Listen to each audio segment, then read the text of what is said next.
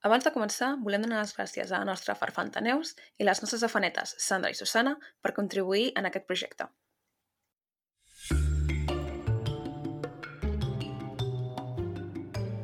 Benvinguts a Malandre Criminal, el podcast on comentem documentals de crims de la manera més cutre possible, perquè no sabem fer-ho millor. Jo sóc la Carla. Jo sóc la Marta. Jo sóc la Clara. Ara em fa por, em fa por parlar així, si parlo així està bé, no? Vale. És que últimament em diu tothom que crido molt. I no sé, jo m'ho noto normal, saps? Però dic, igual és que sí, en veritat crido la paranoia del meu pare, que està tot el dia dient, m'estàs cridant molt, crides molt. I jo no et sento que parlis gaire fort. Oi que no crido en plan en excés? O sigui, normal, No. quan parlo. Però igual a, a vegades quan m'animo, pues sí, pujo una mica to de veu, però jo no, no, no pe- penso que sigui una persona que cridi, o sigui, de normal, saps? Jo crec que normal. No Jo, a mi passa al revés. Tinc una mica de complexa de que em dóna la sensació que crido massa i intento no cridar, llavors la meva iaia no em sent. I se'm queixa, se m'emprenya. Però, no sé. Però tu més aviat parles fluix, jo trobo. No? Sé, és que a la meva família tothom crida molt i a mi m'agafen mals de caps de quan es fan dinars familiars, llavors tinc una mica com el Sí. complexa.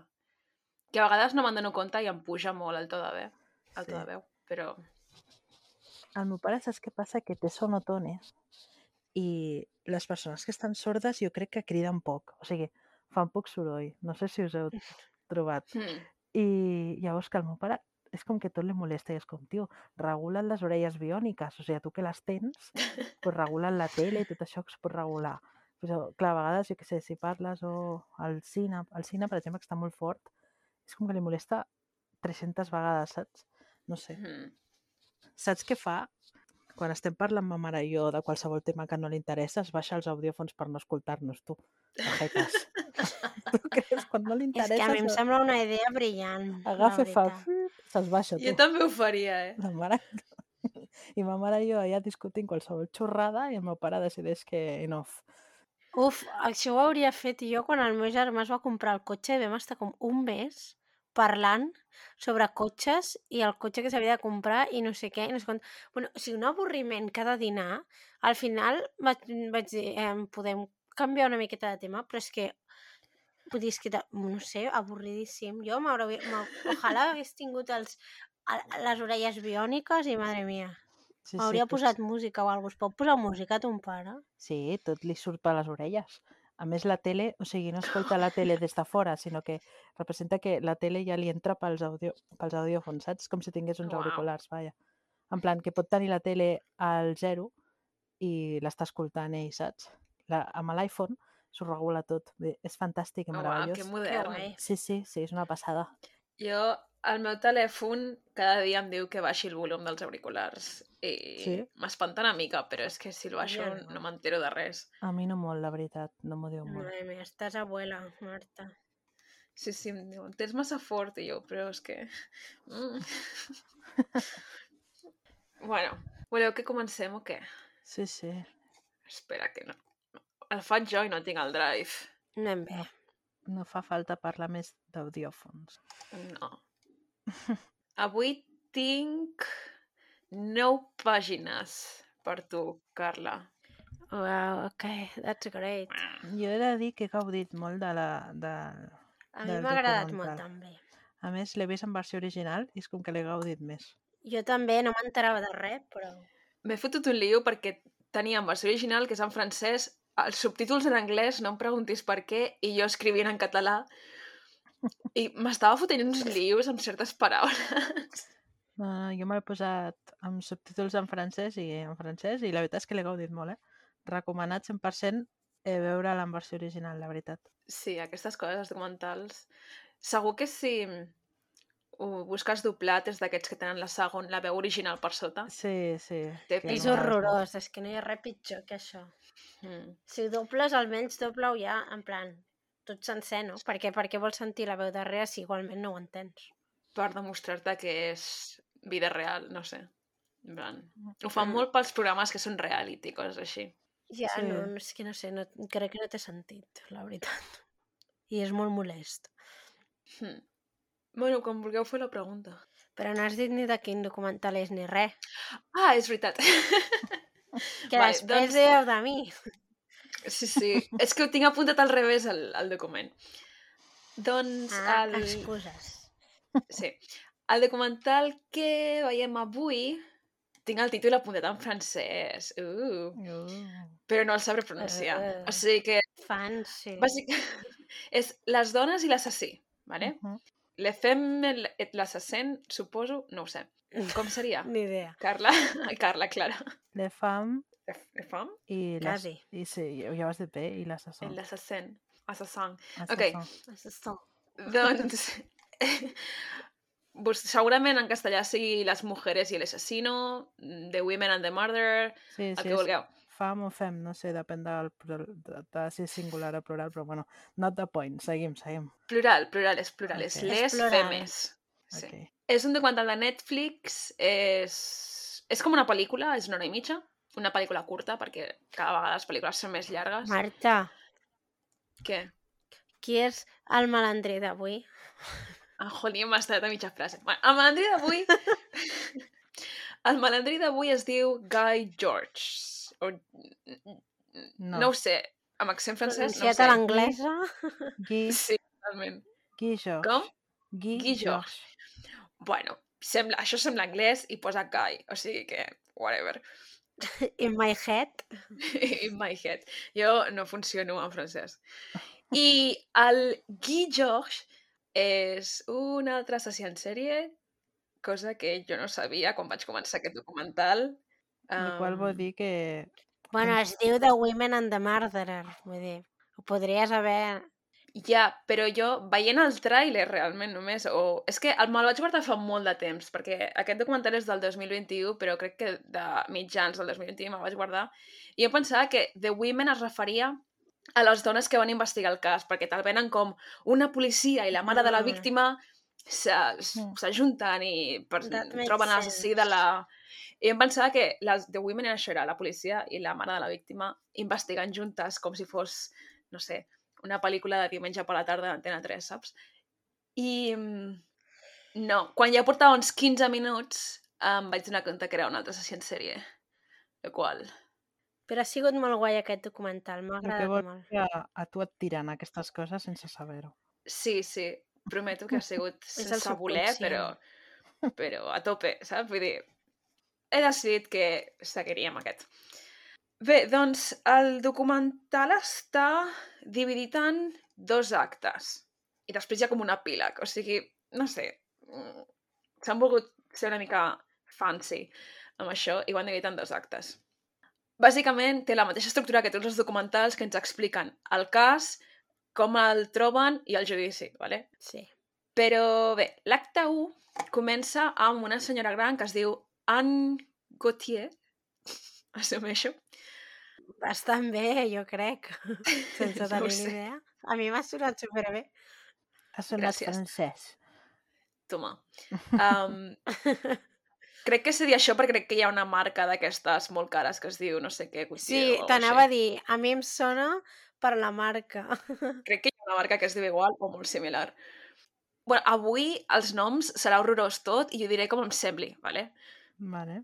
Així, avisats esteu. Aquesta dona, que és una senyora gran, explica que la nit del 8 de juliol de 1995 es va despertar uh, de matinada amb una mala sensació al cos. I com que ja no pot dormir des de les 5 de matí que es desperta fins les 8, com que ja no pot dormir perquè té aquesta mala sensació al cos, no sap què passa, i a les 8 i mitja, o dos quarts de nou, si volem dir en català, trucar a la Helen, que és la seva filla. I li contesta un home. Llavors diu, ui, m'he equivocat, i penja el telèfon. I torna a trucar al telèfon de, de casa de la seva filla. Una mica random. No t'ha passat a vegades que et contesta algú i Sí. dius, "Hòstia", i penges abans jo de dir penjo res? sense dir res. Ah, jo no. Jo pregunto, en plan, mm, tu qui ets? I llavors si em diu no, que és algú, dic, ah, no, perdó, perdó, que m'he equivocat.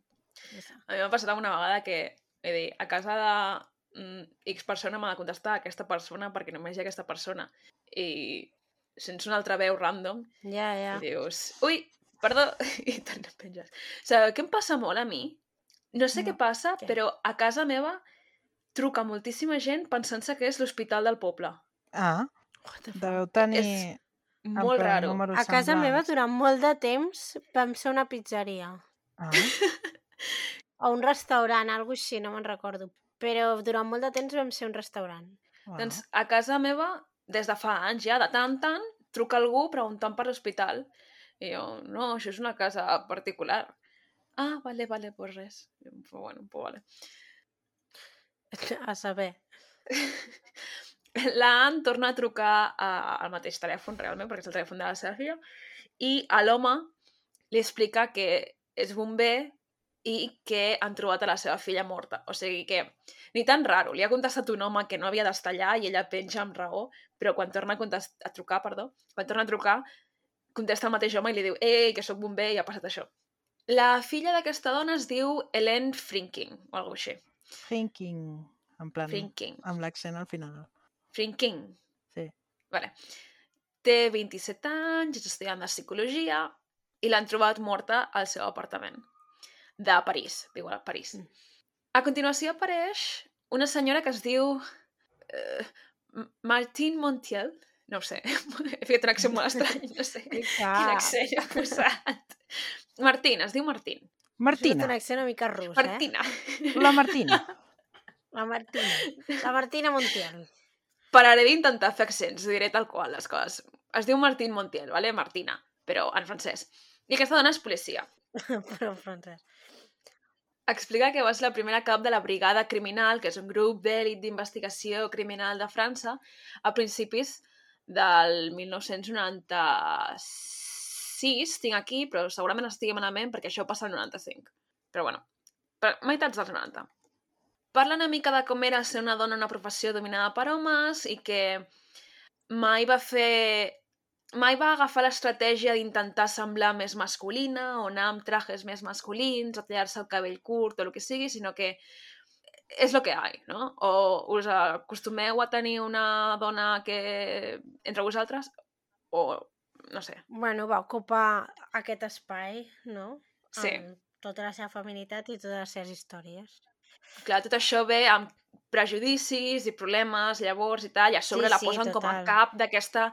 La posen com a cap d'aquest grup d'èlit, no sé què, o sigui, moltes masculinitats fràgils van ser ferides en aquella època. Llavors, arriba la brigada i li diuen, sí, tu vols ser la jefa? Toma. I li donen una pila, però una pila immensa de casos que són tot morts de dones joves. I li criden l'atenció l'assassinat d'una nena que es diu Agnes Nichkamp, que la van matar al desembre del 94, i la de l'Ellen Frinking del 95. Agnès. Agnès, whatever, Agnes, es diu Agnes. No, no fastidiem. He dit que... Això... Bueno, jo dic els noms com em sembla i després la Clara ja corregeix. Llavors, li criden l'atenció perquè li semblen casos molt similars, però ningú ha fet la connexió. Per una banda, la Agnès, Agnès, té 32 anys i és dissenyadora d'interiors, no? I per l'altra banda hem dit que la Helen té 27 anys, estudia psicologia, però les dues víctimes presenten marques i ferides molt similars i en els dos cossos troben restes de semen. A més a més, a la vegada troba un, un, un, algun document o alguna cosa d'un testimoni d'una noia de 23 anys que es diu Elisabet, o Elisabeth, o com es digui, i que és una víctima que va aconseguir escapar de l'agressor. I diu que l'agressor la va lligar, li va tapar la boca amb cinta americana, però que va aconseguir escapar quan ell va anar a encendre el llum o alguna i va, va marxar. I mentre investiguen aquesta agres- agressió, això va passar al seu apartament, eh? O sigui, tot això passa al seu apartament, llavors Mm. troben una borilla de cigarreta en la que troben ADN.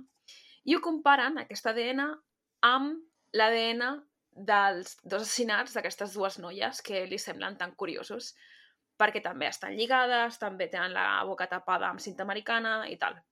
Resulta que l'ADN coincideix en els tres casos i el marquen com a SK de serial killer.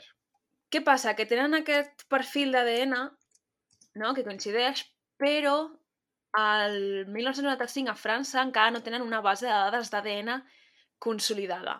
Per tant, tot i que poden saber que ha sigut el mateix agressor que ha comès aquests tres crims no poden saber quina és l'identitat de l'agressor. Clar.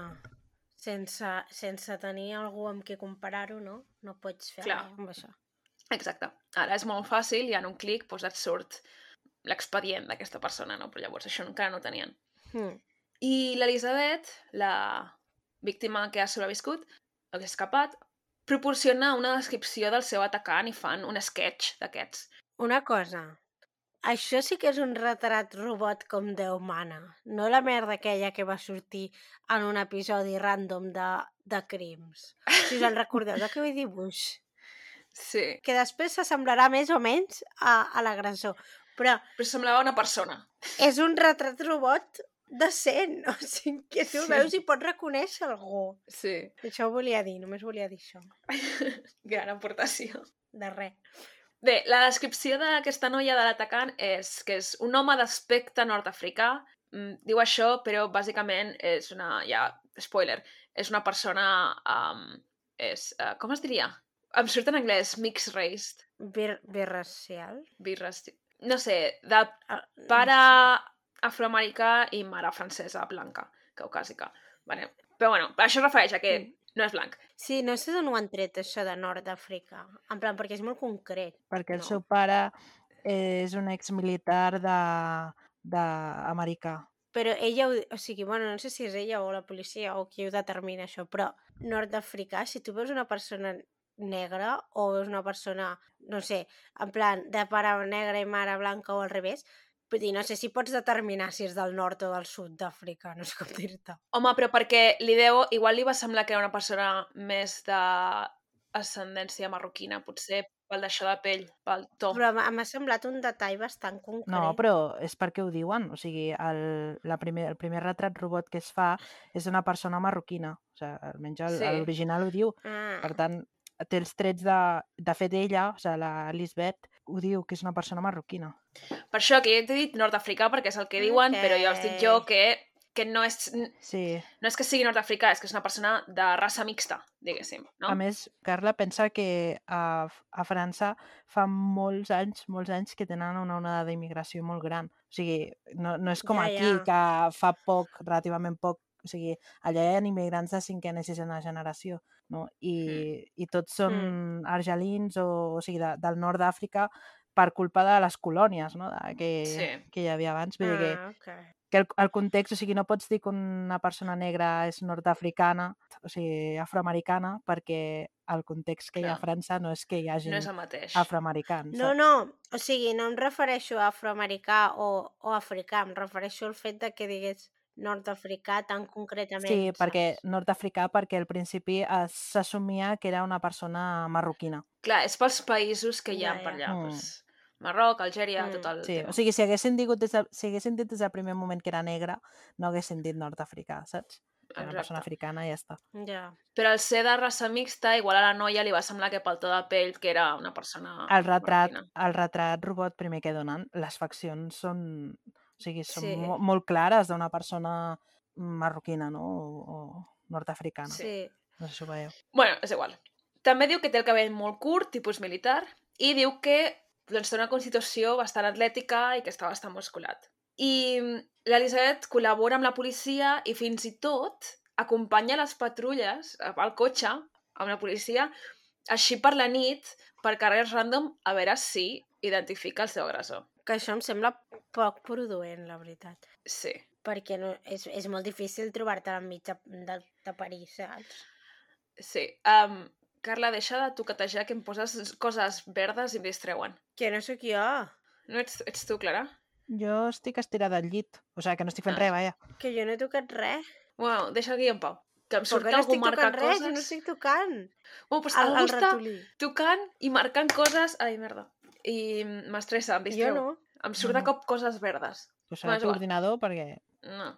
Ah, una, una d'esto verda. Sí. És que he entrat a la web aquesta del peu que, que has posat. Estava xafardejant, Doncs, ha sigut jo, ha sigut jo. A varios, a varios llocs has tocat i em surt verd. perdó, Marta. No, no, només ha Demana'm sigut aquesta perdó vegada. que no he tocat res. Que acabo d'obrir No. el drive. No penso demanar-te perdó, perquè sempre l'estàs liant. M'has de demanar perdó perquè no he tocat res. No, que Ja sempre has dit l'estàs que era liant. jo. Però això és culpa teva, Marta, perquè poses un link. Pues clar, el xafardeix. Clar. Una vegada cobra el drive Clar, i bueno, resulta que pues és culpa meva que hi hagi un link. A més posa quin Saps? tipus de peu tens. I dic, pues no sé. He entrat a mirar aviam quin tipus de peu tenia. Ai, jo Bueno. no sé, aviam. Anem a lo dels peus, que és que vull explicar-vos lo dels peus Jo perquè em vaig grego. passar... Vols callar? Vull explicar-te lo dels peus perquè em va semblar sí, super clarament. random I, i vaig parar el documental i vaig estar com mitja hora ben bé llegint coses sobre peus, vale? Necessitem que la gent es miri els peus. Però que encara no he explicat el què. La qüestió és que... La qüestió és que a l'escena del crim, a l'apartament d'Elisabet, troben una empremta de sang del peu de l'agressor. Ah, no, perdó. A l'escena del crim de, de l'assassinat de la Helen, crec. No ho sé. És igual. Troben una empremta del peu en sang. I a l'empremta poden veure que el segon dit del peu és més llarg que el primer. I diuen, això se suposa que té el peu egipci. I jo vaig pensar, què polles? En plan, com determines això dels peus? Jo no sabia que hi havia diferents tipus de peus. I vaig anar a Google i vaig posar peu egipci. I resulta que a tots els dibuixos i totes les webs de podòlegs i coses em surt que aquest tipus de peu, que el segon dit és més llarg que els altres, és grec, no egipci. I jo no entenc, vaig estar molta estona molt ratllada perquè deien que el tenia egipci si a tot arreu a internet em diu que aquest tipus de peu és grec. I després resulta que hi ha com 5 o 6 tipus de peus diferents. El qual també em vaig Però- quedar flipant. Això és perquè teniu poca cultura de Facebook. Perquè això dels peus fa 70.000 anys que surt a Facebook. Sí, és veritat. Jo és veritat, no ho havia vist en la vida. Una cosa, podem fer que en comptes de que ens enviïn un emoticono, avui ens diguin quin tipus de peu Sí. tenen? Sisplau. No envieu fotos de peus. No, no, no, no. no. No, no. Fotos No, de peus no. No Ojo. les doneu gratis perquè per això us paguen. Primer, les fotos de peu Però, s'han de, de posar diners. Però una cosa, però, sisplau, busqueu quin tipus de peu teniu. És que jo és una informació que necessito saber dels nostres Sí. oients. Mira, jo Mira, anem a descriure. Jo m'estic tocant els peus. Mare meva. Digues. Algo que m'estava tocant. El que tenia. Quin tens, Clara? Jo el, el romà, eh? Us ho he de dir. Ah, jo el grec, jo el grec tinc. Sí, Ai, a veure, espera, vaig mirar. Podria haver sigut l'assassina. Jo tinc el el grec. Aviam, és que crec que s'ha de veure, Jo- perquè tocant-te, no sé si... Jo l'egipci, Aviam. perquè Ah, em van tots en diagonal cap avall. A mi no, a Ja mi el romà. No, jo el grec, clarament. Jo sóc original, eh? De l'imperi, de l'imperi. Jo, jo Filla de Ròmul. Grec, bueno, però, però escolta'm, que els romans, vull dir, van després dels grecs, esto és així. Però bueno, que ells diuen que l'egipci és el que tens el segon més sortit, però no, aquest és el grec. A més a més, us he posat aquest link que et diu, saps quin tipus de peu tens? Sí. I t'ho explica. Hi ha una, una podòloga. És a- com un blog d'una podòloga o no sé què, que t'ho explica.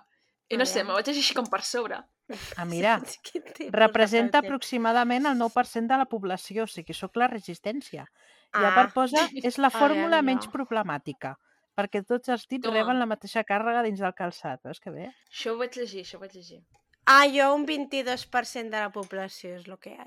Ah, pot produir deformacions al segon dit. Joder. Ja anem malament. Jo sóc bastant basic bitch perquè és el 90... Ai, perdó, el 69% de població. Aquest tipus de peu és el que pot portar més problemes, si és que...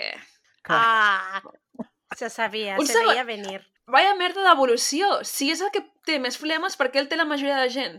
Clar, és que... Perquè som una merda, en general.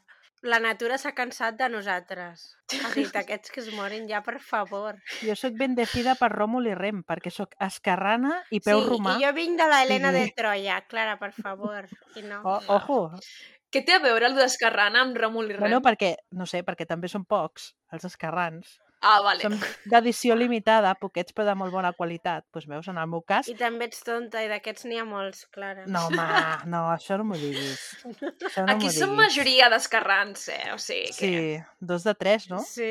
Dos de tres, no? Bueno, no ho sé, la Sí. Carla què és? No, la Carla és de no, l'altre jo soc ram. Tratana. Sí, és de La l'altre Carla és ram. dretana. Sí, sí, No sí. res. No res. Mm, realment estic molt contenta perquè el món està fet per mi, no per vosaltres. O sigui que... Sí, eh? Som Això la és cert. resistència. Això, totalment cert. No és la de problemes que tinc Us amb jodeis. coses... Ja tenia en prou plan- amb altres coses. Marta, que se'm riu de mi quan tallo, perquè em dona tisores que no tallen. Em dona tisores normals, de gent normal, No i em dona unes tisores Et de dono tisores psicòpata. d'escarrans. No, em dona tisores de psicòpata, que no tallen. Jo tinc tisores d'escarrans més barates que tisores de dretans a la botiga. O sigui, Perquè no les vol ningú, perquè les tisores d'escarrans són una puta merda i jo com a escarrana et dic que prefereixo fer-me mal utilitzant eh, no tisores true. d'hidratants que utilitzar tutores d'escarrans. No, No, no. true. Vull A mi m'agraden les que Not són true. taronges, que són pels dos, ambidiestro. Aquelles tallen que te cagues de bé. Tallen molt bé, no sé quina marca és allò, però felicitats. O sigui, teniu els, el Holy Grail. Ja em diràs Però- quina és. Les tisores d'esca... A mi tinc molts problemes amb les tisores de tallar carn o de tallar... Saps les Sí, coses de Mira, jo... la cuina que són d'hidratants? Allò no Sí. talla. A mi em digueu el que vulgueu, allò, no talla. No talla. No, merda. Però és, que no, les, no, però és que hi ha tisores de cuina que no tallen ni pels dretants, perquè No, jo tinc però a una... ma, a ma mare li No, a mi talla i a mi no. Si, si talla, que vingui Jesucrist i, i, i ho talli ell, perquè jo, allò no talla res. Però si a ma mare li talla i a mi no, vol dir que... A mi em passa, tenim com 4 o 5 parells de tisores i a mi no em va bé ningú. Sempre haig Sí, sí. d'acabar... Bueno, faig unes destrosses als paquets Sí, que jo igual, flipes. jo igual. Sí, sí, sí. Interessant. I fer punta a la maquineta. O sigui, era un drama. Perquè a mi sempre em surt Hòstia. natural de, natural de Sí. fer-ho al revés. Clar, òbviament no em feia punta, llavors havia de fer de pensar, en plan, hòstia, no ho vaig a canviar. Estic llavors... pensant... És que jo aquest problema no l'he tingut mai. Com es fa normalment? Co- Igual Clar. és que sempre ho he fet malament. O sigui, tu de com ho faries instintivament és al revés. Bueno, és un percal, eh? Us ho vaig a dir. Ara em posaria els audífons de ton pare, clar. Perquè Però- estava aquí... Escolta'm, Pensant. això és una cosa que els tratants us heu de donar compte de que teniu un privilegi. I heu Sí, de també també. estar en contra Sí, sí. d'això. Clar. Home, Total, És que total. fins i tot els pelapatates, hi ha pelapatates que jo no puc fer merda. servir. Vull dir, Clar. Ja, imagina't. els col·lectius LGTB, les persones racialitzades i els escarrans. Clar. Totalment. És que és dir, així, eh? És així. Va, Vas a un lloc a fer un va, examen no i no hi ha cadires d'escarrans. I dius, aviam, i ara Que què ens faig? diguin quin tipus de peu tenen i si són dretants o escarrans. I Això, així veurem això. si hi ha alguna No. relació. O sou escarrans Sí. o no ens dieu res. No, Vull dir, si sou, només ens interessa si No, sou no. escarrans. si sou romans A i mi m'interessa escarrans, si sou dretants. romans i escarrans, us vull conèixer. Heu trobat la vostra ànima bessona, que és la Clara. Exacte, la Clara. La Clara us convida a una cervesa. Sí, per ser roman i esquerrà. Però s'ha de comprovar, eh? El romà i esquerrà. Aviam.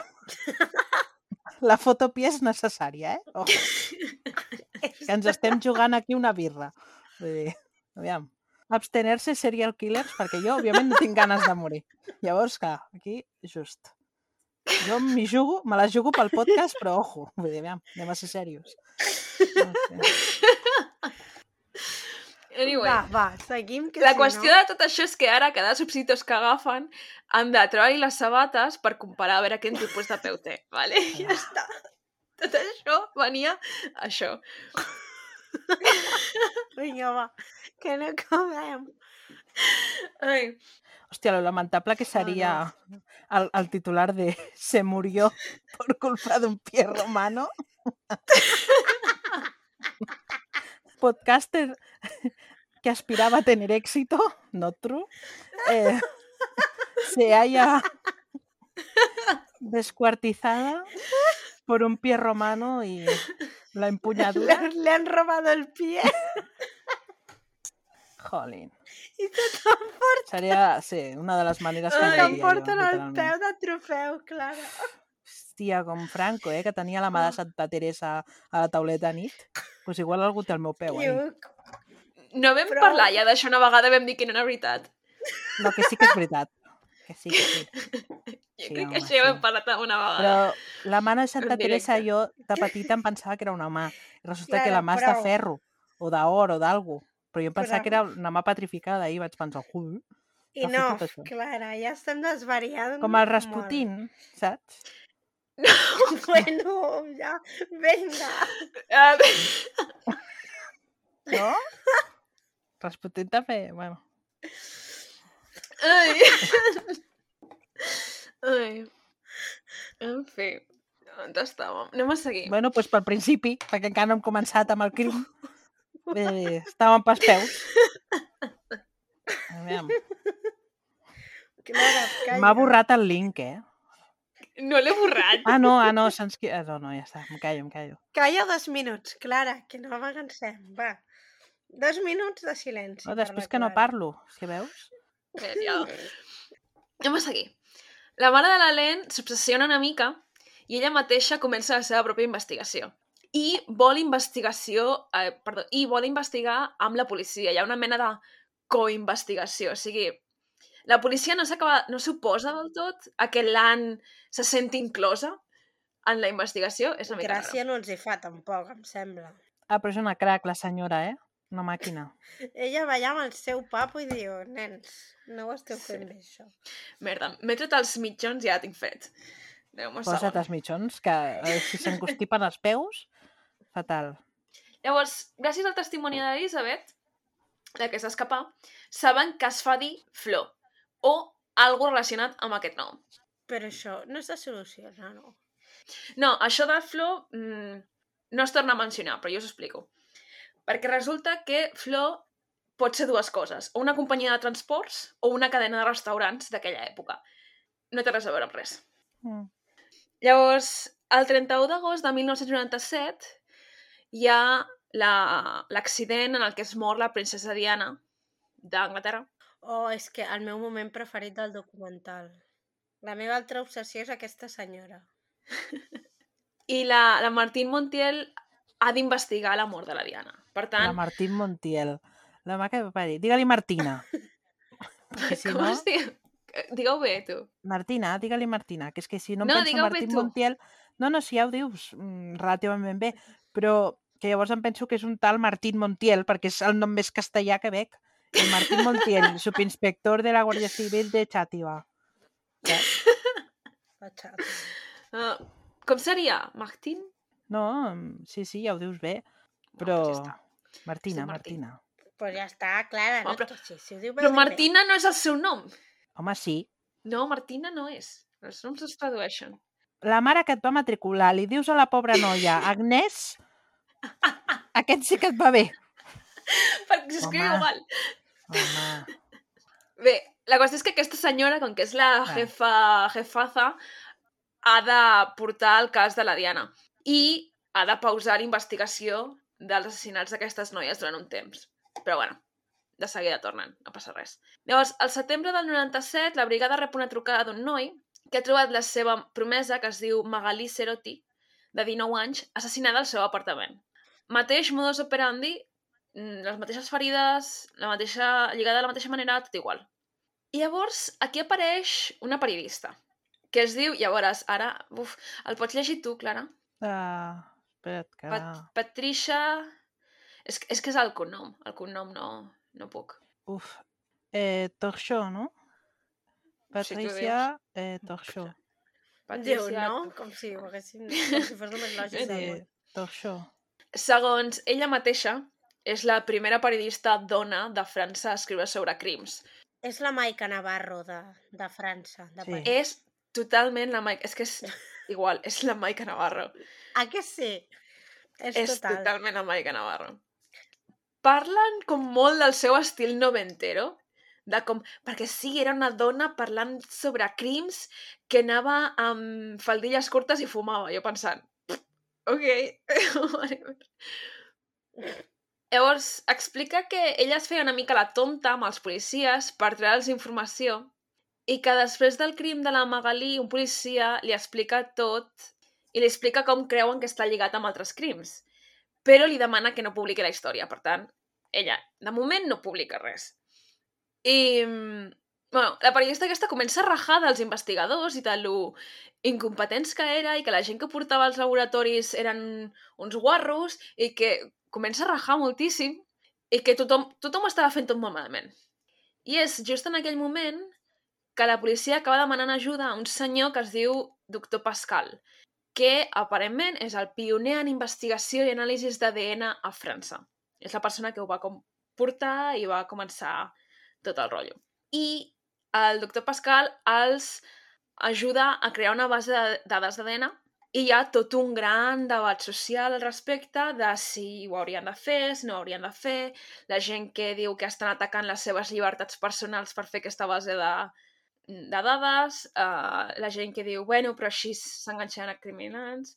Uh, no sé si teniu alguna a aportar sobre això. Eh, a mi em sembla un debat molt interessant aplicable avui en dia, eh? Si és un país que valora molt o sigui, la privacitat i el respecte al ciutadà francès, al final una base de dades d'ADN és una manca de privacitat de cada persona. Podem discutir si els pros o els contres quin pesa més, no? Però vull dir, el debat està guai. És l'única cosa així a portar que tinc. No sé, m'ha semblat guai que als anys 90 es plantegessin aquestes coses. Aquí no crec que fos possible, la veritat. Home, això a la mateixa època crec que es comença a crear una base de dades. A tot arreu, no, bàsicament. em refereixo si aquí també I va haver-hi... Mira, si algú als anys 90, en plan, veia les notícies i això, si, algú, si aquí també va haver-hi aquest debat, en plan, si també es va posar sobre la taula o es va plantejar això, saps? No, Segur seria que sí. interessant, seria guai de saber. Perquè segur que des de qualsevol banda, a mi em dóna la sensació que qualsevol banda més, possiblement més conservadora, eh, hi hauria algun tipus de Sí, resistència. no sé. Estaria guai saber. Segur. Però a tot arreu una mica, perquè vull dir, és una cosa que sents que també es va debatre als Estats Units i segur que al. Regne Unit Home, és i bastant a... universal el Sí, problema. i més o menys tothom va començar, tots els països van començar sobre la mateixa època a crear aquestes bases d'ADN, o sigui que... Sí, però no tots partim de la mateixa... Eh, la cultura democràtica canvia molt segons el país i nosaltres, parlo d'Espanya, que vens d'una dictadura, Dictadura, de ja. fa 10 anys o 15, al final hi ha coses que no es tracten, es fan, saps? I en altres Sí. països hi ha un debat... ah, Segueix passant ara, o sigui... Per això eh, que és, eh, em semblaria curiós de saber aquí si, si algú és més gran i, No i sé. ens ho pot dir. En fi, Podríem preguntar als nostres pares, però no ho farem a aquestes alçades. bueno. No crec. És millor preguntar als oients i esperar-nos una Que si setmana. pregunto a mon pare em dirà aquí una merda. Exacte. Sí, ja t'ho dic. Spoiler. Llavors, al novembre del 97 troben la cinquena víctima, que es diu Estelle Marx. O, no ho sé, no ho sé, és un cognom una mica estrany. Crec que és un cognom d'origen um, no francès. Però ara mateix Mhm. no sabria dir-te. La noia es diu Estelle i té 25 anys. La troben els seus pares, el qual... Uh, perquè van al seu apartament perquè feia uns dies que no sabien res d'ella i com que tenien una clau de recanvi, van al seu apartament i la troben nua, ensangrentada, amb les mateixes ferides que la resta, lligada i morta. I em va saber molt de greu. Vols un fun fact? O un malandrí criminal out of context? El cognom aquest vol dir criada en alemany. Ah, Ah. ho has buscat o ho saps així del random? No, no, ho he buscat. No, perquè... Dic, hòstia, és un cognom raro i l'he buscat. Sí, és que sé... Ho, ho he vist abans, he vist la llistat de, de víctimes i hi havia un parell que no eren d'origen francès, eren d'una altra banda, Mm. però que vivien a París. I he dit, ah, sí, t'he sentit amb els cognoms, però no me'n recordo ara d'on deien que era. No eren alemanes, eh? Però... No ho sé. No, però bueno, al final la, la immigració també... O sigui, que són països Sí. que es toquen, saps? Sí, sí, sí. Però dir, hi havia un parell d'aquestes víctimes Mm. que no eren d'origen francès. Uh -huh. Però bueno, és igual, és de menys. Que m'ha sapigut molt greu pels pares d'aquesta noia. No sé, m'ha Sí. semblat molt trist. Home, és molt trist que Ja és violent, com ho explica, imagina't, yeah. trobar-te. Mm. Sí, sí, total. En aquesta escena de crim troben una bossa on hi ha una dessuadora gris, eh, que aquí me l'he marcat perquè he escrit sudadera i després he dit no, Molt bé. No. que després em diuen que Quasi parlo l'escrius català bé malament. per això, Marta, eh? Però això no ho Quasi. saben ells! A la propera, a la Això no ho propera. saben. Carna! Això no ho saben els oients. Sorry. Bé, doncs hi ha aquesta dessuadora gris tacada de suor i de sang. que dius, uau. I d'aquesta suor i Sí, aquesta bueno. sang coincideix amb l'ADN dels altres casos. Per tant, cinquena víctima, mateix agressor. Uh -huh. L'Anne, la mare de la primera víctima de la que hem parlat, uh, l'Helen, n'està fins al, als nassos, vale? i l'únic que veu és que després de la seva filla segueixen apareixent noies mortes i que la policia no fa res, o que la policia no és capaç d'enganxar-lo. I diu, a la mierda, vaig als mitjans. Uh -huh. I va ella als mitjans, els mitjans no sabien res de tot això. És que també diu que per... Sorry, que també diu que parla amb la, amb la gent del barri i tal i que no saben res de lo que ha passat. Clar. La qual és una mica raro. Sí, sí, sí. I, bueno, doncs ella va als mitjans i els mitjans, òbviament, s'ho mengen amb patates i comencen a parlar de l'assassí en sèrie de l'est de París o, o alguna així. Jo he vist a Viquipèdia que també li diuen l'assassí de Bastilla. L'assassí de Sí, Bas- perquè... Bastilla. Suposo que per la zona? Sí, eh, al barri, sí, Sí. Al districte. va. Però, però això no ho mencionen aquí, simplement diuen, diuen uh, l'est de París. I clar, es converteix en tot un escàndol perquè quan es van produir les dues últimes morts, la policia ja sabia que era un assassí en sèrie. Ja havien connectat tres altres morts i tot i així no van Mm. aconseguir parar aquestes dues altres morts. Més l'atac, vull dir, no, no, és, no, són dues morts l'atac i després dues morts més. I clar, hi ha un pànic brutal, la gent se sent insegura, sobretot les noies joves se senten insegures, hi ha cartells per tot arreu de Bueno, noies no aneu soles pel carrer, coses així, el qual em sorprèn que no ho comentessin perquè hi ha hagut molts documentals que he vist que coses similars han passat i que sempre han, hagut, han acabat havent-hi protestes de dones pel fet de que els hi diguessin que no podien anar soles pel carrer. Mm. No sé si sabeu de què em refereixo. bueno, però no sé, en aquesta situació. Vull dir, que no, de, no ho defenso, eh, però tampoc em sembla la, cosa, la pitjor cosa del món. No, o sigui, De dir, sí, saps? Sí, però vull dir, altres documentals i altres casos he vist que sempre ha acabat haver-hi com aquesta Mm. resposta per Sí. grups de dones i Bueno, manifestacions. clar, de- que és que al final... El, el fet no és dir-me a mi que em protegeixi, el fet és que sí, aquestes sí, coses no passin, no? Mm. Total, total, vull dir, estic totalment d'acord, però que penso que en la, donada la situació en, la, en què es troben, doncs és bastant, bastant Sí lògic. No sé. Igual es van donar, eh, i no ho diuen, perquè una altra cosa no, Sí, però els sí. francesos ja, també te la lien ahir i et fan una Clar, manifestació jo ja copón en estava- un moment. Clar, jo ja estava esperant la manifestació Ready. de dones i no, la, no ho comenten a cap moment. Per tant, Mm. no sé si realment va passar o no, però, Mm. eh, bueno, el que Sí, sigui. sí. Llavors, aquí m'he apuntat una frase perquè m'ha fet molta gràcia perquè la Martina diu... He dit Martina per la Clara. Però la Martina diu... Literal, eh? A França no hi ha gaires assassins en sèrie, perquè això no és als Estats Units. Sí, I mira, m'he rigut molt. li he escrit a la, Tasca. li he escrit a la Carla i li he dit, buah, és que és una grande, és una Em, grande. és que, òbviament, o sigui, ha posat els Estats Units com a la mierda, o sigui, com el tercermundisme total. És, és aquí, mm, què et penses que és això, els Estats Units? Clar, és que com ha de ser, com ha de ser. Dilo, És jo que- estava en plan, dilo. Martina, dilo. Sí. Però tot i així, la policia francesa, en general, no, no la Martina, però la, els cossos policials rebutgen una mica la idea de l'assassí en sèrie. És com que no els entra al cap. I com que no volguessin que fos real. No? El que sempre passa de, sí, sí, això és una cosa molt americana, és una cosa molt de les pel·lícules, però aquí, Sí, No, que això aquí no nunca. passa. clar, això aquí no passa. Això també ho diem aquí. eh, Clar, sí, sí. Que I, ens pensem que aquestes coses aquí no... El què? Aquestes, vull dir, lo d'assassins en sèrie o coses Sí. així. Aviam, però eh, vull dir que és normal que als Estats Units hi hagi molts més assassins en sèrie. Bueno, és que estan tots una mica pirats del cap. No, i perquè realment, o sigui, la no, per la quantitat és, de gent, vull dir... és, és que és com tota Europa. Clar, Vull dir, ara sí, no sí. sé els milions que tenen, però vaja, vull dir, jo sempre ho comparo tipus... Anyways, molt, Per molt, extensió de molt territori. rodons no gira. Clar, No. però els francesos ho han de deixar clar, dir-lo, vull dir, sí, sí, totalment. Aquí els Sí. locos són uns altres, nosaltres no. Com de ser, sí, sí. Llavors, és això, la policia, com que no ho acaba de reconèixer, no s'ho volen acabar de creure, i tot i que els biòlegs forenses marquen les mostres amb SK de serial killer, la policia no fa mai servir aquest terme.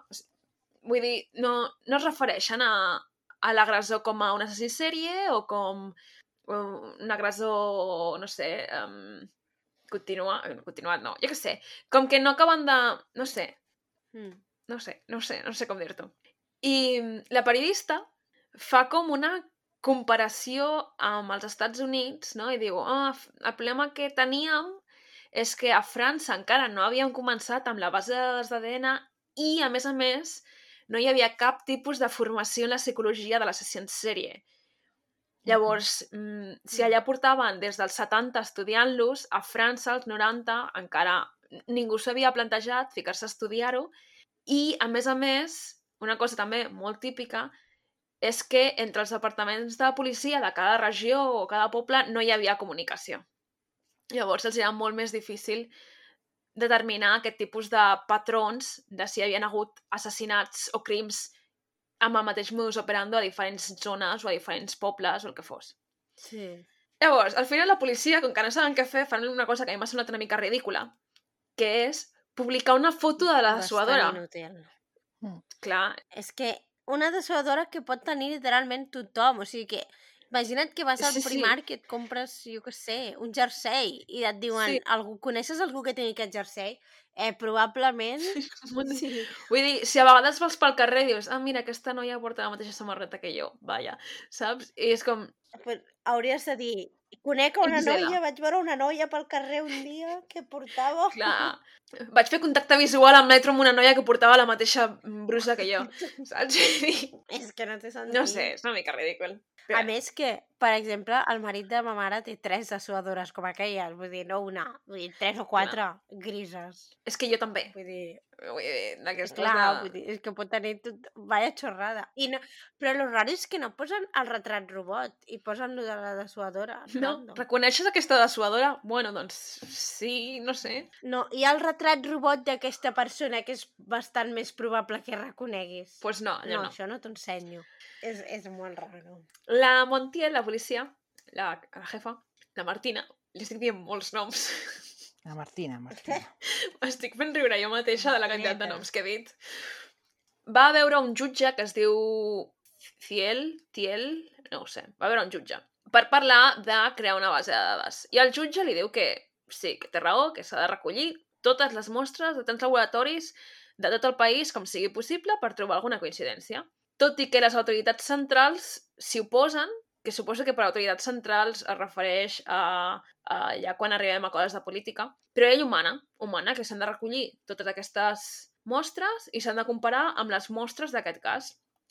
Què passa? Que com que no tenen una base de dades, tenen les mostres organitzades per arxius i han d'anar arxiu a arxiu en paper, un a un, tenen com uns dossiers, no? pues, dossier a dossier, obrir, buscar, comparar. No és, guarda'l.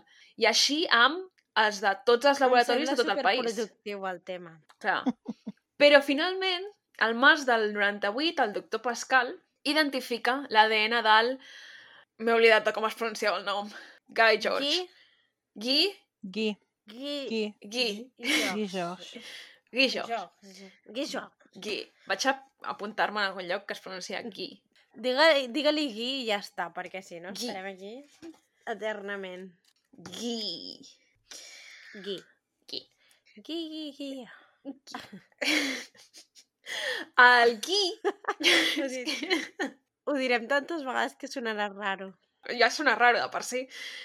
El Guy resulta que ja havia sigut qüestionat davant de la policia el 1995 en relació a les morts d'unes noies, de diverses noies, en diferents garatges. Tot això passa a la vegada que estan passant tots aquests assassinats. O sigui, imagina't, i li van recollir ADN. Però com que no, no hi havia Vaja, comunicació i com que no es comparaven les coses, no van poder relacionar-ho. I resulta que hi ha aquests atacs a dues noies, a la Catherine... Ca- Ca- Catherine Rocher, de 27 anys, i la Elsa Benadi, de 22, que és tot absolutament igual, excepte que en comptes d'anar al seu apartament és al garatge de casa seva, o, o en un garatge, al costat del seu cotxe.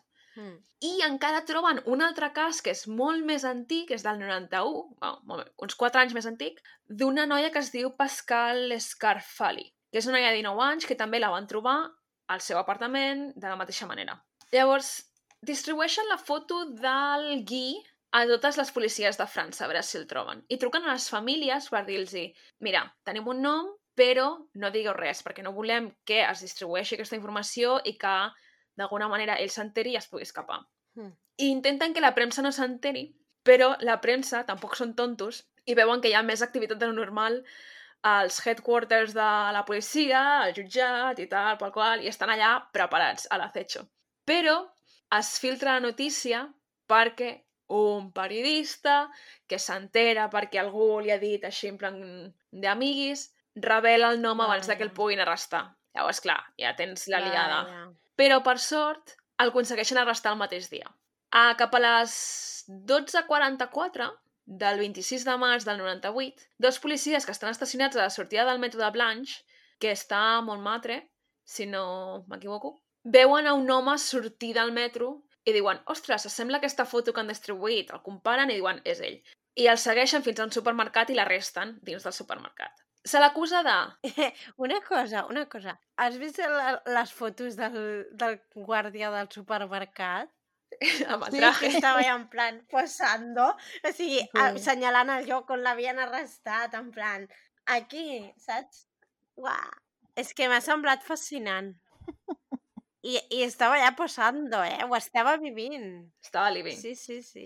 Bé, la qüestió és que el, el Guy, em surt dir Guy, el Guy se l'acusa de tres assassinats, confessa dos més, així perquè sí, i sospiten que és responsable de dos més. Per tant, set, set en total. Set assassinats en total, més l'agressió d'aquella noia que va aconseguir escapar-se.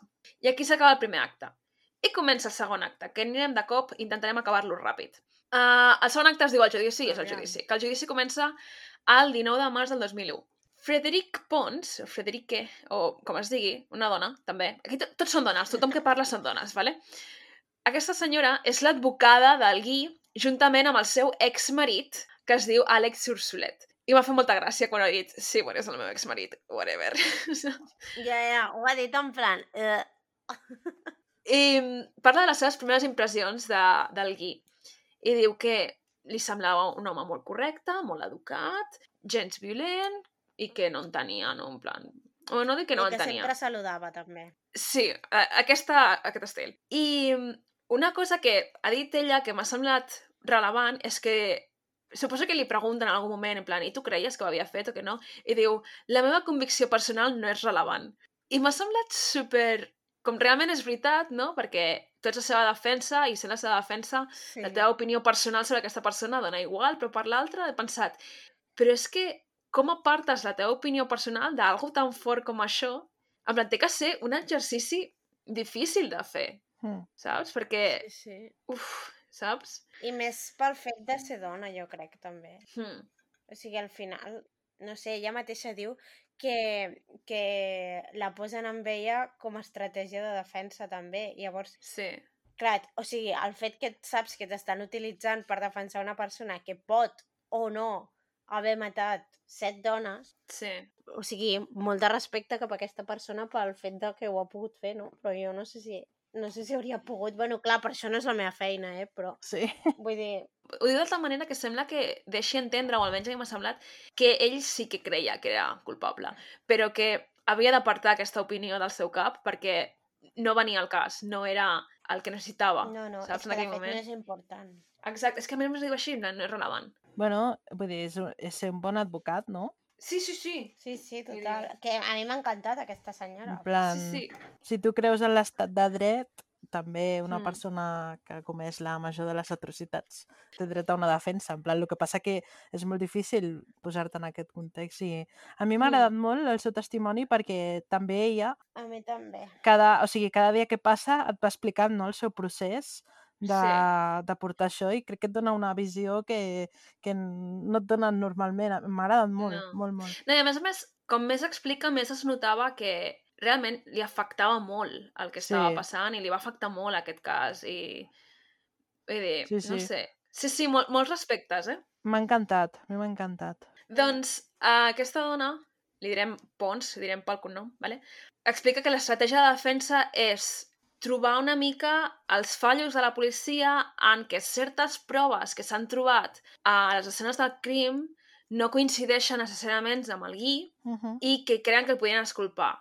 Diu, per exemple, el tema del peu no coincideix, no té aquest tipus de peu. El retrat robot no s'hi assembla, perquè van fer un retrat de robot d'una persona possiblement marroquina i ell no ho és.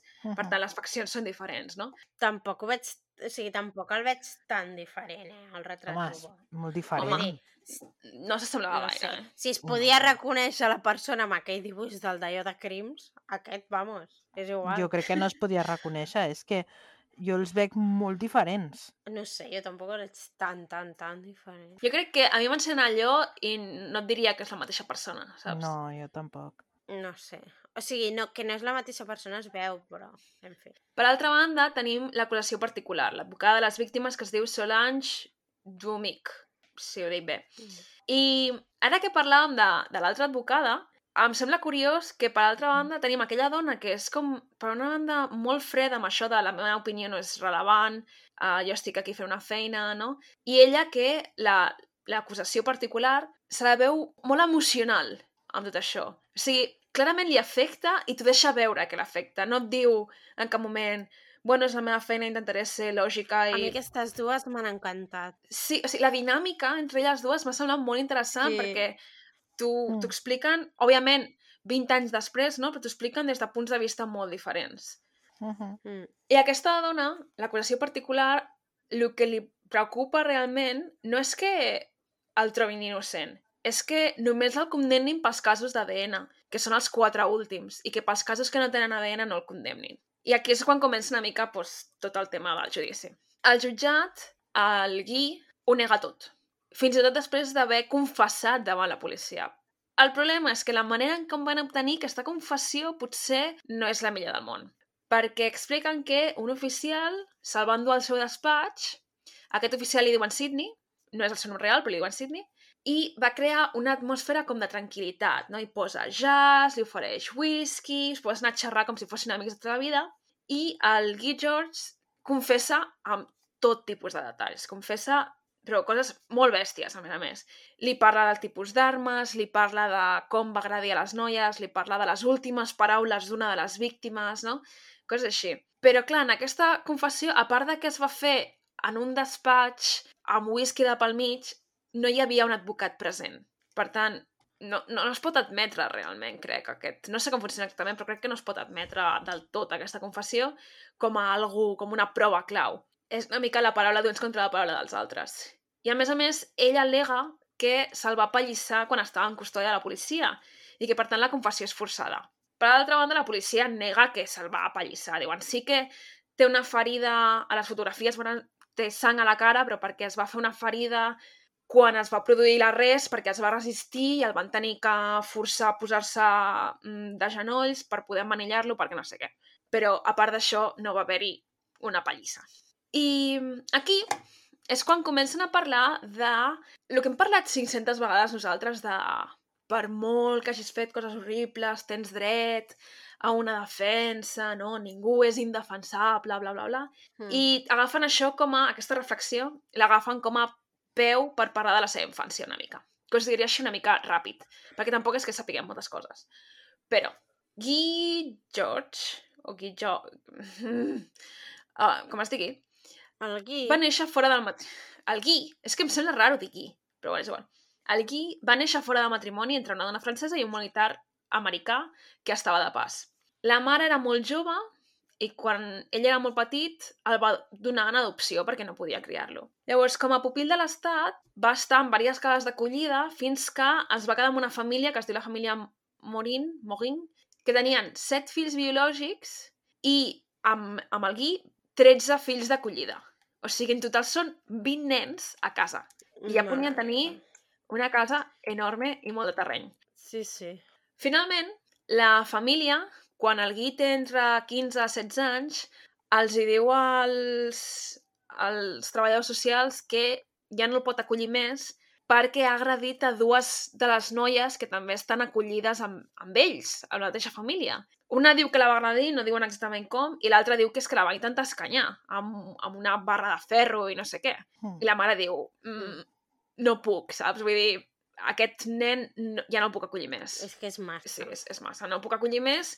Tinc 12 més que també tinc d'acollida i, a més a més, els meus. Si tinc un que va fent això, doncs no puc amb ell, no? No us ha semblat una mica turbio que et deixin tenir 13 nens adoptats? Ja, és molt, és molt. És És massa. que no és normal. Jo m'han recordat a la peli de les, una pel·li de les gemeles Olsen que, que bueno, entre altres coses, eh, la família adopta nens per tenir-los de mà d'obra, saps, a l'empresa. M'ha recordat alguna així, en Ja. plan, eh, en quin moment és lògic donar-li 13 crius amb les seves dificultats que comporta cada criu que adoptes pel bagatge? És Jo que saps què he pensat? He pensat que aquesta família tenia que tenir una granja o alguna així. Saps aquestes granges que és en plan un ranxo on tothom aporta i tothom ajuda i tens 24.000 nens, saps? Jo segueixo a un, ca un canal de YouTube que tenen 20 fills i només dos són biològics. La resta ja, són eh, adoptats. No, turbi. I segueixen, eh? En plan, o sigui, no, no han parat. I, I a més, la, o sigui, la germana de la mare també té com tres fills biològics i com, no sé, ah, no, no sé, però igual 10 adoptats. Sí, fa, fatal, fatal. Molt. Sí. Bueno, és igual. Aviam, els nens se'ls veu bé, però jo què sé. Bueno, és és, que és un altre no tema, però tampoc el sistema privat d'adopcions als Estats Units és... Ja. No, no és privat, eh? O sigui, bueno, ho fan Home. en plan pel foster care, saps? O sigui, no els adopten en agències privades. Eh, bueno, partint de la base que el sistema d'adopció i acollida als Estats Units és tot de gestió privada, no sé. Però, el, però si els adopten... No és el mateix adoptar-los, rotllo, que fan allò que... Però que és que no és, si és foster no són adoptats. No, no, però o sigui, fan foster care i després els adopten oficialment. Però és que el, el foster Saps vull care són també... és privat. O sigui, la gestió de les acollides de l'Estat, tot i que la tutoria és pública, o sigui, els nens són de Mm. l'Estat, la gestió és privada. O sigui, es paga, Ah, bueno. saps? Sí, que, Ja. que res és O sigui, no, públic, no és com aquí, que és, o sigui, l'adopció és gratuïta, l'adopció nacional, Ja, ja. saps? O la, la Acollida. diferent. Però em sobta de França, bueno, clar, també són els 90, no? Però és com, o sigui, en quin moment et sembla lògic i normal eh, donar en adopció 13 crius de su padre i su madre, saps? En plan, que no són tipus, bueno, són 13 germans, com una persona decideix adoptar, sinó, vinga, anar agafant nens Ja. i amb les dificultats que comporta pel bagatge que porten aquests nens, òbviament. Ja. Sí. Bueno, anem a continuar, que no acabarem. La qüestió és que quan diuen, bueno, amb aquest nen no podem perquè hi ha hagut aquests incidents, ell viu en un hostal d'aquests de serveis socials, s'acaba escapant i comença a delinquir. I així es fa, fins que es fa adult. I llavors la seva vida d'adult ja no sabem res.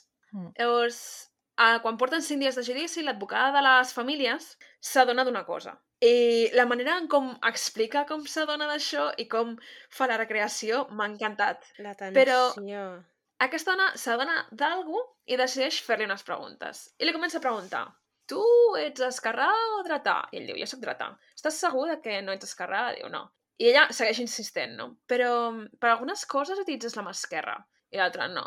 I sí, perquè jo t'he vist i mm, m'he fixat que quan t'entregàvem les fotografies de l'escena del crim perquè les miressis i perquè i no sé quins documents, no sé què, ho agafaves amb la dreta però anaves passant les fotos amb l'esquerra. Quan has de moure el micro ho fas amb l'esquerra. Quan fas no sé què ho fas amb l'esquerra. I ell li respon algo per l'estil, bueno, això són accions mundanes, però... I fa com l'acció d'apunyalar i diu, però això... I la tia, això què? I ell, com que s'adona que s'ha fotut en un lío, no? I diu, merda. I li diu, què, apunyalar ho fas amb la dreta? I ells, sí, bàsicament, no? I m'ha semblat una passada com ho recrea i, i com l'enganya realment, perquè diu que no. O sigui, no, però sí. Li, li- fa la jugada, Sí, li fa la jugada del segle. Eh? clar, les coses importants com apunyalar ho fas amb la dreta, no? I el tio, sí. I diuen que li canvia la cara. I aquí m'ha explotat una mica el cap perquè aquí és on mostren que les dues advocades estan juntes a la sala de judicis recreant-ho Ah, tot. sí, sí, és molt brutal. Estan Brutal, una davant de l'altra recreant-ho tot i m'ha semblat molt violent, m'ha semblat una, una Ui, a mi m'ha encantat el Pussy Power, eh? Sí, sí, sí, però per una banda m'ha encantat, però per l'altra m'ha semblat com una situació una mica incòmoda, perquè les dues estan explicant com l'altra era una desgraciada, saps què vull dir? No així, no ho diuen així, no? Però jo Sí. soc en plan, oh, uau! M'ha explotat una mica el cervell. A mi m'ha Sí, sí. encantat. Ha sigut un moment brutal, la veritat, Sí. del documental. I m'ha agradat molt com la Solange explica per què no és un monstre aquesta persona. Sí, bueno, ho he comentat per sobre, de que entenc ah, que... no. Bueno, és que no ho he dit així, no? Però que, que sí, que entenc que no hi ha ningú que sigui indefensable, no? I aquest tipus de coses. No, no, el que diu la Solange de que no és un monstre, sinó que és una persona i que el que ens fa por és que tots som aquesta persona, Ah, ah, sí. saps? M'ha Sí, sí. encantat. És com, yes, dilo, dilo. Bé, llavors, l'advocada del Gui es gira i li demana que expliqui el que vol dir, esperant algun tipus d'excusa, en plan, no, em referia a baralles al carrer o el que sigui, però el Gui, en comptes de seguir una mica la jugada de la seva advocada, s'aixeca, comença a cridar-li a la- a l'altra advocada, dient que l'ha enganyat, assenyalar-la amb el dit i tal. I expliquen que, per part de tothom, per part de la seva pròpia advocada també, expliquen que com que canvia molt aquesta imatge, que durant tots els dies del judici ell havia presentat un personatge calmat, bastant encantador, relaxat, i de cop es converteix en una imatge superviolenta i d'odi extrem, i que fins i tot després, quan surten de la sala i està soles amb el seu advocat, l'advocada té por d'ell. I una por que no havia tingut mai, que quan, fins i tot al principi, diu la meva primera impressió va ser que era una persona educada, calmada, que es podia, que podia tenir una conversa amb ells, no sé què, i ella mateixa diu que estava espantada d'ell, no? I mm, eso, pa que veas aquest tipus, la, la manipulació també d'aquest tipus de gent que et presenten el que volen que tu vegis, saps? Sí, I després, en el moment que es va sentir enganyat, explota totalment i veus Mhm. realment qui és aquesta persona en el fons, no? Aquesta violència i aquest odi. És superguai aquesta part, a mi m'ha agradat molt. sí. Mm. I fins i tot la, la Frederic Pons, la seva advocada, diu que va tenir la sensació de veure a la persona que van veure les víctimes. No? Mhm. I, i Sí. aquesta por i aquest, aquesta mala sensació al cos. M'ha semblat brutal. El sisè dia del judici, clar, després d'això, de que, que li doni aquest arrebato, mm, ajornen la sessió, el dia següent es nega a sortir de la seva cel·la i atendre el judici, i el jutge ha d'ordenar que el treguin a la força i el portin a la sala. I aquell dia se suposava que el Gui havia de donar el seu testimoni, parlar cap a les famílies, però es nega, diu que es pixa en la justícia i que no, passa un altre dia. Ara la defensa canvia la seva estratègia i diu, bueno, ja no podem dir que, que no ho ha fet perquè se'n van a tot en orris amb això, de la dreta o l'esquerra, anem a intentar entendre per què ho ha fet. I, i no, és molt random que canvia el, el G, o Gui, perdó, el Gui, canvia el seu look completament, així, no sé, es rapa el cap, es posa roba blanca en comptes de... no sé, m'ha semblat una mica estrany. Ja, no entenc, no entenc per què, la veritat. Perquè primer he pensat per intentar donar la imatge de nen bo, però és que el següent que fa és uh, reconèixer-ho tot. Llavors, no sé, Ja, no sé quina això, llavors que hauria de ser. Per dignitat pròpia. Suposo. Jo he pensat perquè ja anava a confessar i per anar guapo. Sí, per vanitat. No sé, li pregunten, tu vas atacar a tal persona, la, la noia que es va esca- escapar, l'Elisabet, i diu, sí. Tu vas matar a tal? Sí. Tal? Sí. Li llegeixen la llista de víctimes i ell diu que sí a totes. I diuen que en aquell moment tothom es va quedar en silenci, però se sent a la mare d'una de les víctimes dir gràcies. Uh -huh. I també m'ha semblat super... Oh! No sé, m'ha donat una... Se m'ha fet un nus a l'estómac. Imaginem aquesta escena de tothom en silenci absolut, ells dient els noms i ell, sí, la vaig matar, sí, la vaig matar. I al final de tot, uns segons, i la mare d'una víctima dic gràcies.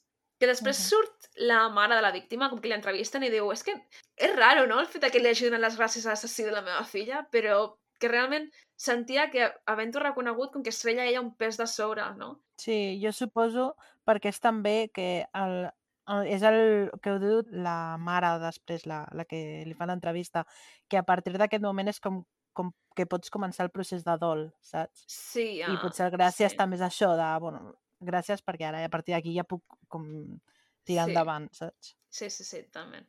I li pregunten, al Gui li pregunten qui, quin és el perfil, perquè totes, una era morena, l'altra rosa, l'altra pell roja, una era alta, l'altra baixa, una era més gran, l'altra més jove, vull dir, no tenen un perfil concret. I ell respon que realment el que la treia cap a aquestes noies era l'energia que desprenien. Mm, La qual... Ok. Uau. no sé.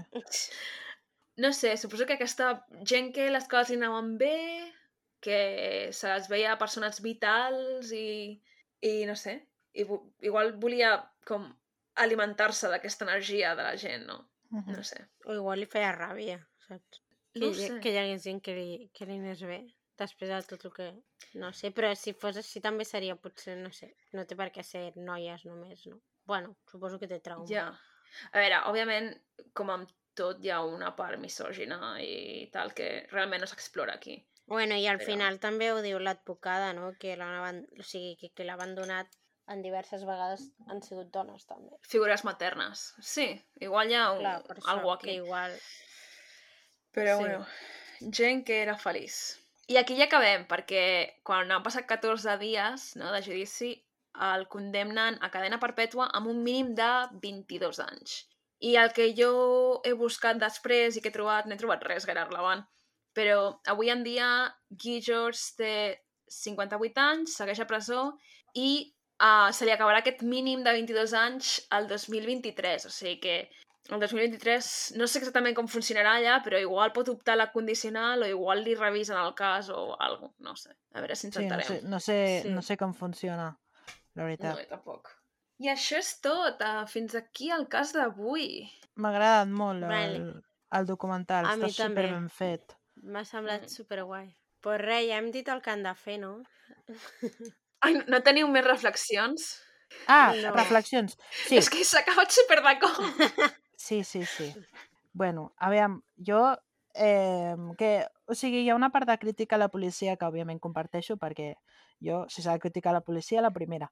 Però també crec que o sigui, si ara passés això aquí, probablement l'haguessin trobat abans i aquestes dues morts que he estat parlant durant tot l'episodi podrien haver estat avisa, um, evitables, però jo també penso que al final les tècniques eren les que eren i, i que a mi no em sembla que hi hagués una mala praxis de la policia, per exemple. No és la sensació que, que m'hagi donat, tot i que entenc també, òbviament, el punt de vista de la mare, que al final està veient com s'estan morint altres filles d'altres mares, no? I que, i que culpa la policia d'això, que en part també té raó, però no, no em dona precisament la sensació de que sigui un cas on hi hagi hagut mala praxis o, o una mica de passotisme, la veritat. Hmm. No sé. No, a mi tampoc m'ho sembla. És lent, sí, però també tenint en compte que és això, que no Sí. tenien una base de dades, que no tenien comunicació amb altres departaments, Sí. és normal que fos lent. I també està bé que expliquin, perquè clar, just llavors es coincideix amb la mort de la Diana de Gales, i clar, al final aquí ho expliquen, no?, que deixen aquest cas una mica apartat perquè eh, aquesta situació els ocupa, però és que clar, òbviament, és que aquesta situació no, no diria que és, no és molt més greu a nivell de valorar la vida humana, no?, almenys mm, sota el, la meva mirada, però sí que al final és un conflicte sociopolític, saps? Sí. i sí. econòmic. Llavors, clar, eh, des d'un punt de vista del govern, també entenc que la pressió es fiqués en, hi ha prioritats. en aquest cas, manera. tot i que a nivell social eh, la vida humana és la mateixa, no? una que una altra, però bueno, ja sabem com van aquestes coses. Eh, no sé, m'ha agradat moltíssim i, i m'agrada veure documentals així de producció europea perquè li donen una mirada, no sé, a mi em dona la sensació que li donen una mirada diferent i, i m- massa poc, saps? En veiem, saps què vull dir? Sí, a mi saps que m'ha agradat també? Que el fet de que ho enfoquessin tot des del punt de vista de les dones relacionades amb aquest crim, no? Tens Sí, la mare de la víctima, la policia, les advocades, la sí, periodista... sí, sí. M'ha donat la sensació que també tot era molt personal per totes d'elles, de maneres diferents, però es notava que totes tenien una... estan involucrades personalment i emocionalment. Mhm. I m'ha semblat molt guai veure d'aquesta manera, perquè podien haver entrevistat a l'advocat, que era el marit de la tia aquella, que Sí. també eren un equip d'advocats. Podien haver entrevistat al doctor Pascal, aquest que va introduir lo de l'ADN. Mm. però crec que el fet de fer-ho així, que tota la narració sigui des del punt de vista femení, tot i que clarament... Marta, igual sí que, Què? sí que el títol tenia a veure amb, amb què eren aquestes dones i no les dones Sí, és que jo crec que sí, el que passa que jo em pensava que eren dos només, que em pensava que era la policia i la mare. Jo m'imaginava una pel·lícula d'aquestes dolentes, de... fan un equip i investiguen des del seu menjador, saps? no sé. Jo m'havia muntat una pel·lícula. Però això, ja, m'has tallat el fil de pensament, però sí, que està guai. Perdó. Algo més? Mm, no. Eh, bueno, ja el que heu dit i, bueno, afegeixo que és que a mi m'ha semblat brutal el moment del judici, o sigui, de la simulació del judici, perquè les tres tenen discursos molt potents i de la manera com han fet la realització i tot, és que t'interpel·la molt a tu, saps, com oient. I és que Sí. eh, se m'ha passat volant i, i a part és, és que jo estava allà dins, saps? No sí. sé, és que m'ha agradat moltíssim, moltíssim. Jo- No us, ha, no, us ha quedat, no us heu quedat com una mica de pedra quan, quan diu... Quan estan parlant de, del passat, bueno, de la infància, del, del Gui, tot això, que li diuen a l'advocada de les víctimes i no et fa pena? O alguna així Ah, sí. que li pregunten. I l'altre en plan, pena? Pena no, em fan pena les Sí, víctimes. li diuen algun plan, no pots empatitzar amb, amb la vida tràgica que ha tingut el, el Gui, i diu, Sí, a veure, sí, ha tingut una vida tràgica, però no, ha fet el que ha fet, saps? Bueno, la, la reflexió de la Solange també és molt bona. però ho ha fet Sí. lliurement. de, Sí, sí. que al Sí. final són, tots tenim una altra opció no, a la vida i que pots tenir vida, Clar, vida molt dir- complicada, però també és veritat, i, i aquí una baza al, al senyor aquest, que al final també és molt còmode i molt fàcil tenir aquesta opinió si has tingut una vida estable. Eh? Vull dir, Sí. potser... Sí, o bueno, sigui, aviam, que t'influeix moltíssim la vida que has no, tingut, no arriba a, aquest extre, a aquests extrems, perquè hi ha poca gent que arribi a aquests extrems, però potser, no, potser hi ha gent que no té tantes opcions, saps, a la vida. Mm, bueno, en aquest cas no crec que fos la... realment que no tingués altres opcions. No sé, Jo... Amb altres tipus de coses, amb altres tipus de crims, com per exemple, no sé, robar o alguna cosa així, doncs sí, però això... Sí. Al final sempre tens l'opció de no matar aquesta Clar, Bueno, eh, això no són crims que es fessin per una no. necessitat vital o pràctica, saps? Era per Bueno, plaer. jo crec que una necessitat vital sí que hi ha. O sigui, Sí, jo, sí, la vale. meva opinió, sense saber ni idea de, del background d'aquesta persona, eh, però jo crec que si aquesta persona, quan és un nen, se l'agafa, o sigui, l'acull, per exemple, una família que s'hi pot dedicar a ell, o sigui, que tot, tot té un inici, no? I que per mi clarament matar aquestes dones va, o sigui, és una resposta al, al trauma que ella ha passat. L- El que passa és que la manera de lidiar amb aquest trauma, òbviament, no és la correcta i que no ho justifica, però que potser si hagués hagut un sistema d'adopcions o estic jugant una mica a ficció, eh? igual això no hagués sigut evitable, saps? No sé com ho veieu. potser... Jo és, jo és el que, quan escoltava la història d'ell, de la dona aquesta, i que tampoc tampoc m'ha semblat que la dona aquesta gran fos mala gent, eh? la que tenia 13 fills adoptats, però també pensava, hòstia, és que potser aquesta persona, si hagués tingut els recursos necessaris que li pertoquen, potser no hagués acabat així. És la sensació que em dona. I és la reflexió final que també fa la, la mare de la, de la filla, no? la, la que parla tota l'estona Sí. que ella sempre creu que tot es pot, que tothom pot canviar, no? I que se l'ha d'ajudar amb aquesta persona i crec que és una, o sigui, una reflexió molt dura tenint en compte que t'ha matat a la teva pròpia filla. No sé. O sigui, que s'ha de ser molt, molt humil per, per pensar així. No, no us sembla? A mi em costaria molt fer la reflexió que estic fent ara si em matessin a la meva filla. Per tant, és com, amb aquesta gent és com, hòstia, no sé. Ja. No sé, també això ho he pensat perquè al final del documental la, la mare de la víctima diu que li va escriure una carta i que després comencen a escriure cartes i ho he pensat de... Uf, jo no sé si podria... Una, no sé, potser enviar-li una carta cagant en tot és una cosa, però aquesta carta Mm. que fa aquesta dona i aquest continu de comunicació que a més a més ell li escriu com si fossin amics de tota la vida, Mm. jo és que no crec que pogués, eh? Uf, és que només de pensar-ho amb... Bueno, també No és, sé. també és veritat que, o sigui, passen el dol de manera diferent, no? Perquè aquesta dona, Sí, eh, la manera que té de passar el dol clarament és implicar-se al màxim per sí. donar justícia a la seva filla. Llavors, no em sembla estrany que li enviï cartes perquè és com és ella, no? És lo, la sensació que et dona. Jo crec que seria una mica així també, No la sé. veritat. O sigui, a mi m'agradaria saber el per què, Uf. saps? Potser no anar a veure'l perquè ja és molt més violent, però mitjançant carta, pues, igual no ho descartaria, no ho sé. Espero no trobar-me mai, òbviament, en aquesta situació. Ja. Però és que m'ha agradat molt la, la senyora gran, com parlava i com reflexiona. És que m'han encantat tots, tu. He disfrutat Punts de vista Moltíssim. molt diferents, He gaudit, he però... gaudit. Però cap que diguessis, vaya tonteria acabes de dir, saps? Sí, sí, sí. Però eren punts de vista completament diferents i a vegades oposats. Sí, i que tots tenen la seva part de raó. Sí. O sigui, eh, quan parlava la Solange i quan parlava l'advocada de la defensa, que no sé com es diu, a vegades tenien idees i punts de vista diferents d'un mateix tema, no? Però tenia sentit les dues coses que deien. Sí. És que m'ha encantat, ui, de veritat, eh? Molt fan, molt fan. Més d'aquests. Bueno, deixem-ho aquí perquè portem molta estona ja. Envieu-nos quin tipus de peu teniu i un emoticono d'un peu Això. que important, reflecteixi el tipus de peu que teniu. Si sou escarrans, I si sou dretans, no. sou esquerrans. Si Si sou dretans. escarrans, ho especifiqueu. Sí, si sou dretans, ho assumirem. I si sou dretans també, No. jo ho vull saber. No, No, jo ho vull saber. s'assumeix que sou dretans fins que ens digueu el contrari. Exacte.